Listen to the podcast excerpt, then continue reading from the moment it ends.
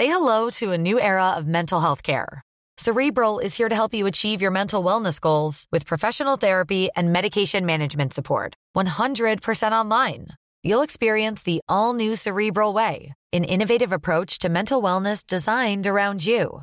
You'll get a personalized treatment plan from a therapist, prescriber, or both in a safe and judgment free space.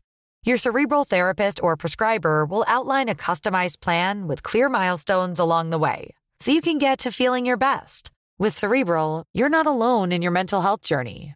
We're here to empower you to live a fulfilling life. So take that first step towards a brighter future and sign up today at cerebral.com slash podcast and use code ACasts to get 15% off your first month. Offer only valid on monthly plans. Other exclusions may apply. Offer ends July 31st, 2024. See site for details. Du presenteras nu för obekräftad information. I avsnittet får du höra om konspirationsteorier och varför vissa människor tror på dessa. Var därför kritisk till materialet som bygger på fiktion, åsikter och vinklad fakta. Podcasten kan inte ses som en trovärdig källa. The cause of the Kursk nuclear submarine disaster is still shrouded in mystery, with NATO rejecting initial Russian claims that a foreign submarine was to blame. There has never been any explanation as to why no action was taken immediately the explosions were heard.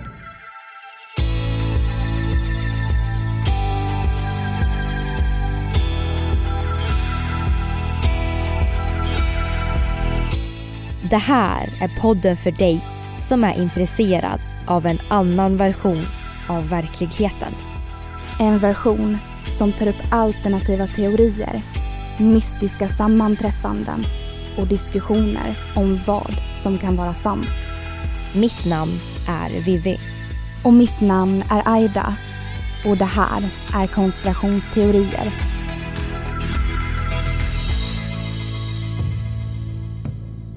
Ryssland i början av år 2000.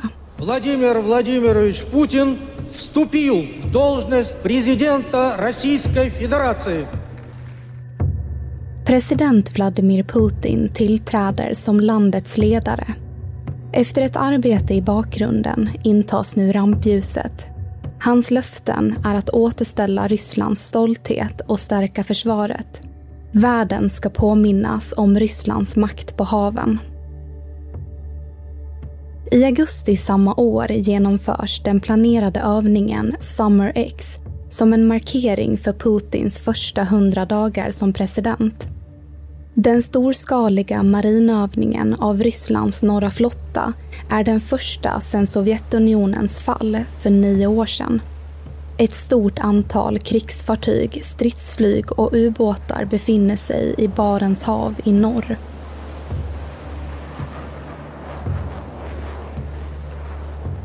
För väst är flottövningen ett perfekt tillfälle att registrera och samla information och framför allt analysera vapen som lämnats efter övningen.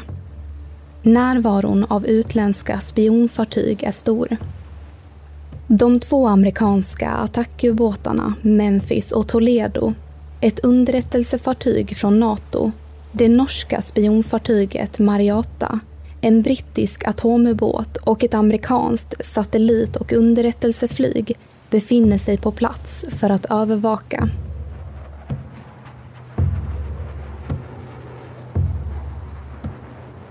Enligt uppgifter ska Ryssland testa en toppmodern torped, Skvall.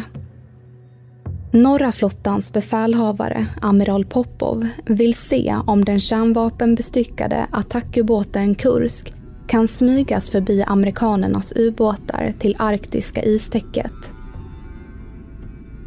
10 augusti lämnar Kursk basen i Vijajeva nära Murmansk laddad med en uppsjö stridsvapen och en besättning om 118 man. Ubåten sätter kurs mot Norra ishavet och ansluter tids nog den ryska flottan norr om Kolahalvön. Marinövningarna inleds och genomförs som planerat fram till klockan 08.51.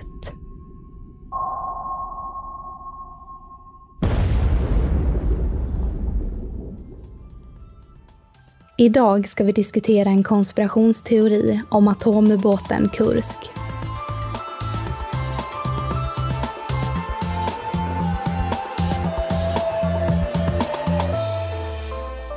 Det här är podden för dig som är intresserad av en annan version av verkligheten.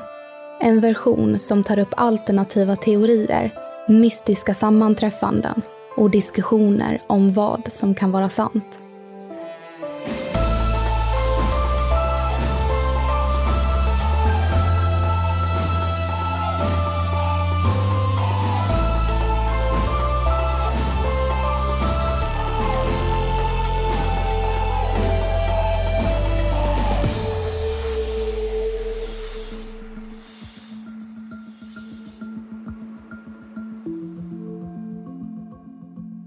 Ryska flottans stolthet, ubåten Kursk, sjösätts i december 94.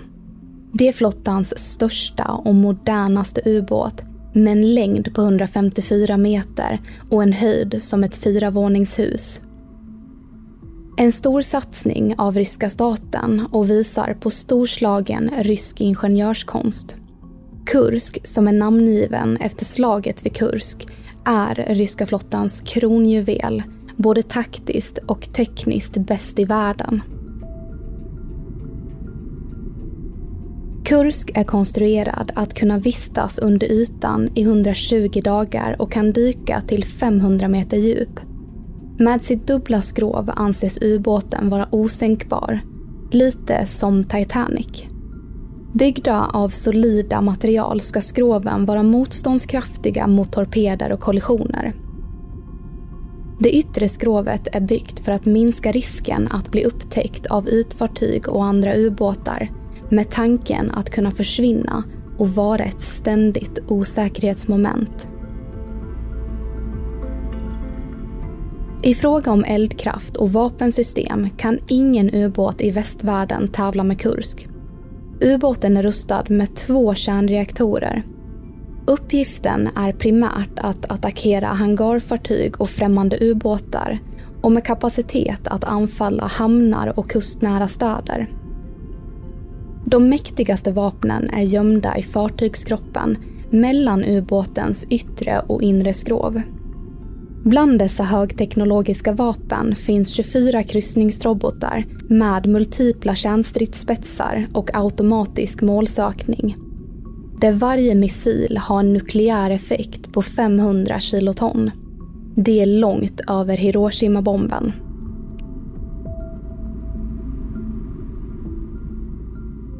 Kursk är även rustad med en ny raketdriven torped, Skvall, som på mindre än en minut når sitt mål. Hemligheten ligger i en ny teknologi. Skvall är en superkaviterande torped som omges av en gasbubbla som eliminerar vattnets friktion och ger den höga hastigheten på mellan 350 till 500 km i timmen. Det är flera gånger snabbare än de som används av Nato.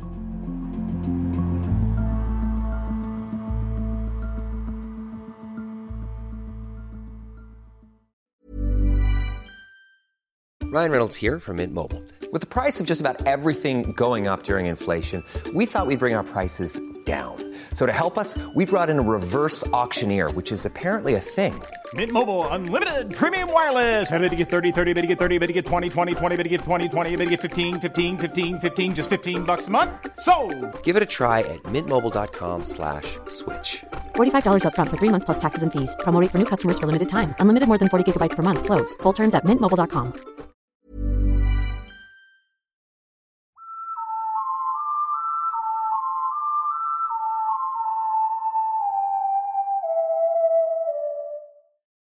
Den marina övningen i augusti kommer med en strategisk vikt för ryssarna. Ett slags skyltfönster för rysk marinteknologi. Övningen inkluderar anfall och lokalisering och ämnar samtidigt visa upp flottans förmågor för omvärlden och för Nato. Havet är lugnt och det är goda förutsättningar för övningen. Ombord Kursk är stämningen förväntansfull. Klockan närmar sig halv nio lördagen den 12 augusti Och snart ska den årliga marinövningen kulminera i ett angrepp på flaggskeppet Peter den store. Kursk meddelar kontrolltornet och dyker ljudlöst ner 20 meter till periskopdjup för att förbereda nästa vapenövning, torpedskjutning. Ett larm skjuter i högtalarna med order att inta positioner. Torpeden av typen 65 76A är på plats och redo att avfyras. Den når aldrig sitt mål. En explosion inträffar i ubåtens främre del Explosionen startar en kraftig brand och en tryckvåg sprider sig vidare från torpedrummet till stridsledningsrummet. De sju besättningsmedlemmar som befinner sig i torpedrummet avlider direkt. Giftig rök sprider sig genom ventilationen. I torpedrummet stiger temperaturen kraftigt och inom två minuter exploderar en stor del av övriga sprängladdningar. En ny kraftfull tryckvåg slår igenom både det innersta och yttersta skrovet och Kursk vattenfylls. Ubåten sjunker och slår i botten.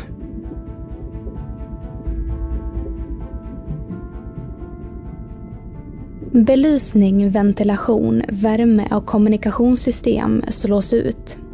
Explosionerna dödar de flesta män ombord de som överlever tar snabbt på sig överlevnadsdräkter och rör sig bort från smällen, akterut till nödluckan i ubåtens nionde sektion. Det är mörkt.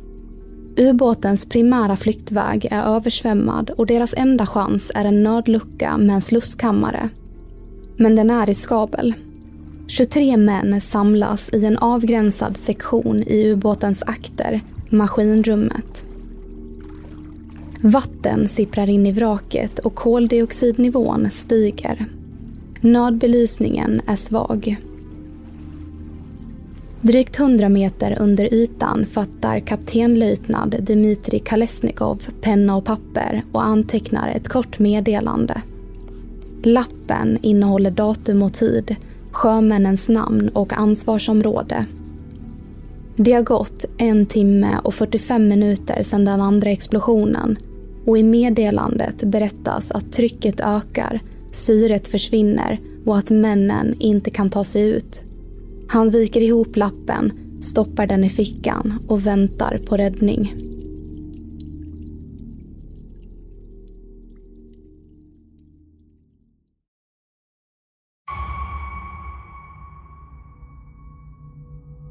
Explosionerna registreras både av ryska och utländska fartyg Flera seismografiska mätstationer registrerar skakningarna.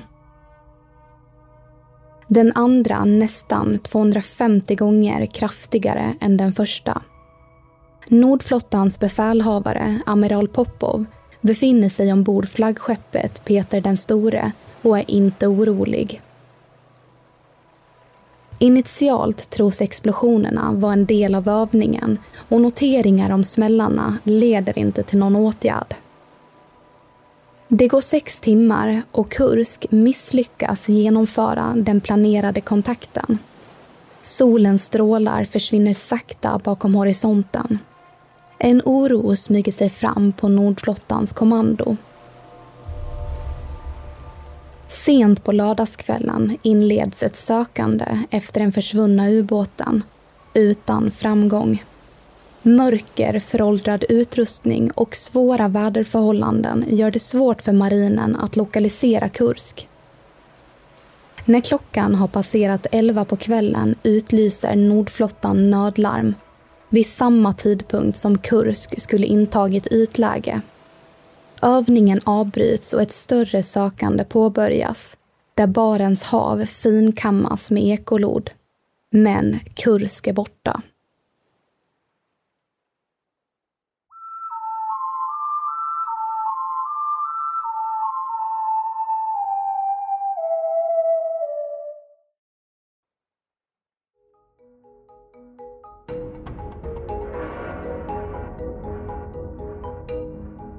När olyckan inträffar är president Vladimir Putin på semester i sitt sommarhus i Sochi vid Svarta havet. På TV visas han njuta av ledigheten.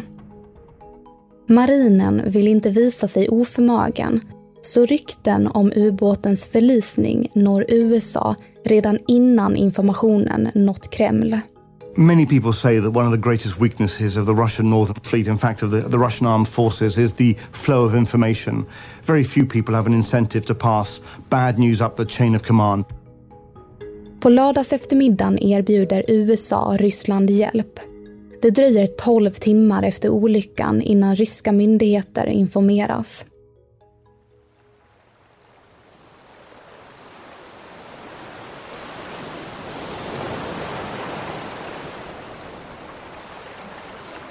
När söndagsmorgonen gryr berättar amiral Popov med stolthet om övningens framsteg till ryska reportrar. Den knapphändiga informationen blandas med rykten och spekulationer. Något känns fel. Flottbasen i Vijayeva fylls snabbt med förvirrade anhöriga som hört rykten om problem med en ubåt. Tidigt samma morgon anländer det ryska ubåtsräddningsfartyget Rudnitski vid området där Kursk övat. Det dröjer till den sena eftermiddagen innan ubåtens position lyckas fastställas på 108 meters djup i Barents hav. Ombord räddningsfartyget tycker sig marinen höra knackningar inifrån den sjunkna ubåten. Knackningar som tros vara en del av besättningen. Starka strömmar, dålig sikt och stormar gör att arbetet går långsamt. Försök efter försök att ansluta med räddningsfarkoster misslyckas. Batterier dör och haverier sker på grund av bristande underhåll och personalens otillräckliga kunskaper att operera farkosterna.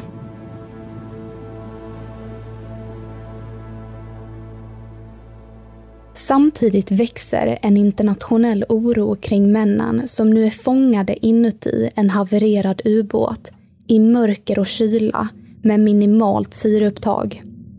Flertalet västländer erbjuder hjälp. Även i Sverige förbereds ubåtsräddningsfartyget HMS Belos om en fråga från Ryssland skulle komma.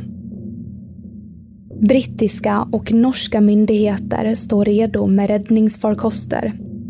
Även USA erbjuder sig bistå med experthjälp. Den ryska statsledningen avböjer och svarar att fler fartyg bara försvårar räddningsoperationen. Räddningsarbetet skulle de klara själva.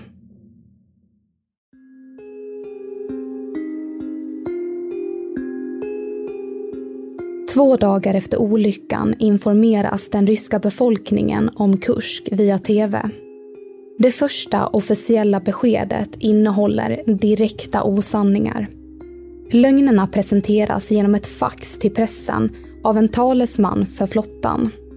Det berättas att Kursk sjönk till havsbotten på söndagen och inte på lördagen på grund av en mindre teknisk incident.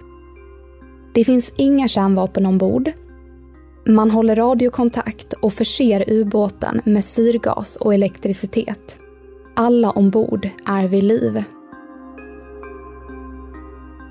Samma dag presenterar en amiral inom flottan den första teorin. Att olyckan orsakats av en kollision med en närgången amerikansk ubåt.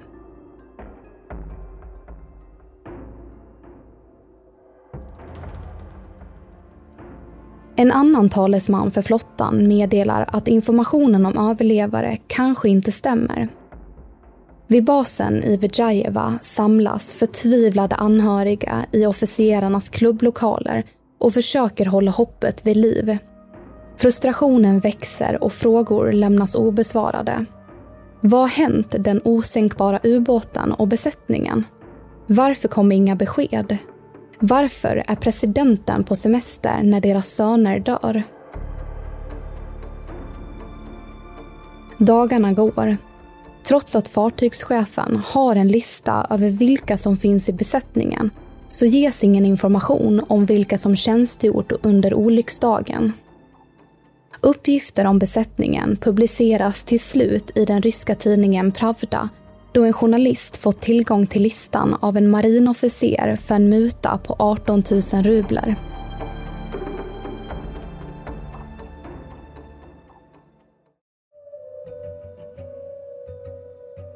Experter uttalar sig om det kritiska läget ombord ubåten med syrebrist, mörker och kyla. I rysk media växer kritiken om myndigheternas hantering. Bilder på gråtande och arga familjemedlemmar vid hamnen visas världen över. Förtvivlat vädjar familjemedlemmar om den utländska hjälp som erbjudits av Norge och Storbritannien. Det dröjer fyra dagar innan en ledigt klädd och solbränd Putin möter pressen. De storskaliga marina övningar i Barents hav hade han ingen kännedom om. Situationen beskrivs som kritisk och flottan kommer göra allt för att rädda besättningen. Torsdag den 17 augusti anländer CIA-chefen George Tenet i Moskva för ett topphemligt möte. Samma dag accepteras den brittiska och norska regeringens erbjudande om hjälp. Resan tar över 30 timmar.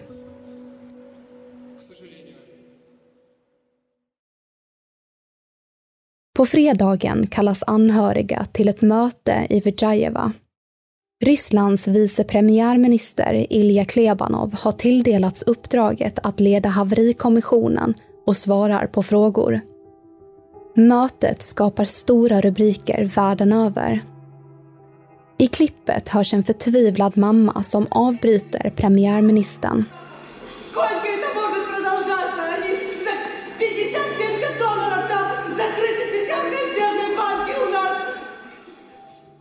Argsint anklagar hon myndigheterna för lögner. Hon tystnar inte. Scenen fångas på tv.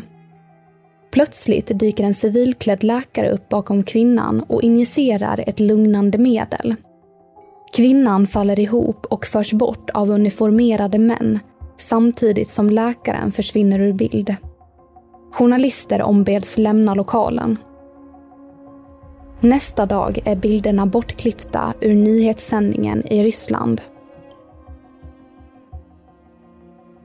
Efteråt rycker ryska tjänstemän och läkare på axlarna. Att använda lugnande medel är ingen större sak.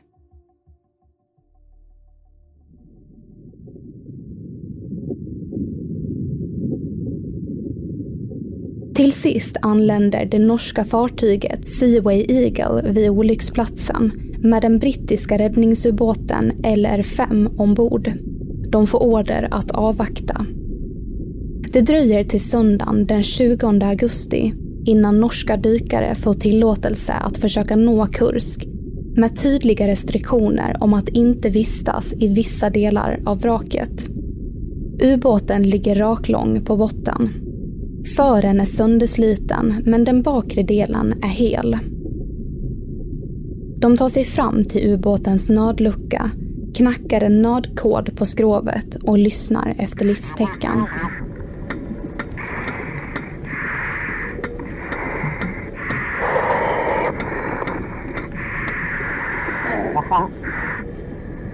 Nothing. Just uh, sit and wait now. Tystnad. När dykarna öppnar luckan är ubåten helt vattenfylld. Räddningen kom för sent.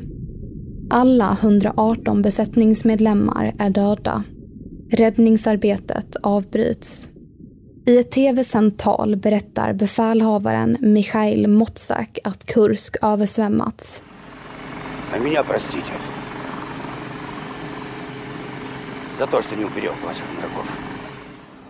Amiral Popov, Nordflottans befälhavare, tar av sig sin sjömanshatt och ber om ursäkt till de anhöriga att han inte kunde rädda deras söner.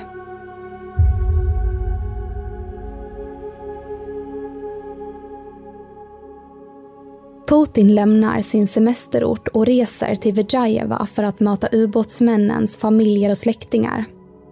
Mötet varar i över tre timmar och är hårt kontrollerat. Medias kritikstorm ska tonas ner och nu får bara statstelevisionen närvara.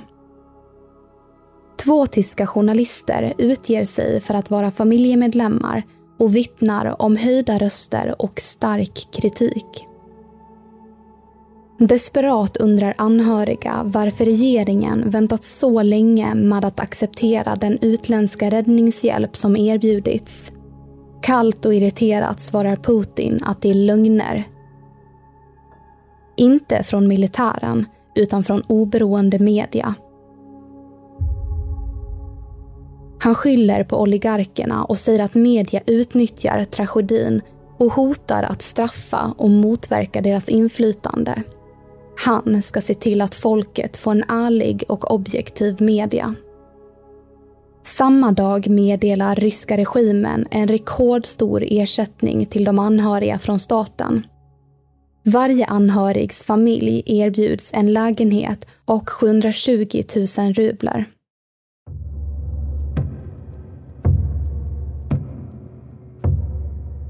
Den 6 september 2000 möts USAs dåvarande president Bill Clinton och Rysslands president Vladimir Putin i New York. Mötet sker under sekretess och handlar om efterdyningarna av tragedin. Två dagar senare medverkar Putin i en intervju med CNN. När Larry King frågar vad som hänt Kursk Tell me, what happened with the submarine? svarar han. Den sjönk med ett avslappnat leende. I nästa avsnitt kommer vi prata om varför ubåten sjönk.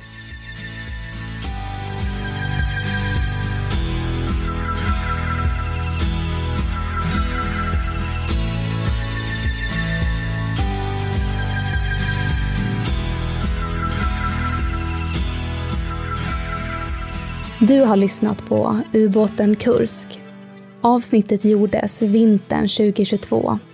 Vi som har gjort programmet heter Vivian Lee och Aida Engvall tillsammans med redigerare Jenny Olli.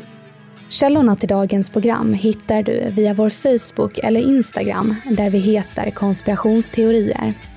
Via våra sociala medier kan du även skicka in tips och önskemål på teorier som du vill höra i podden. Vill du höra fler avsnitt av konspirationsteorier? Lyssna på avsnitt som legenden om Gregory Rasputin. In that room with the prince and Rasputin were three cakes and two glasses of wine, each of them laced with poison. Pentagons UFO-rapport. I, I honestly don't know. I don't think that we have developed that technology. Och mycket mer.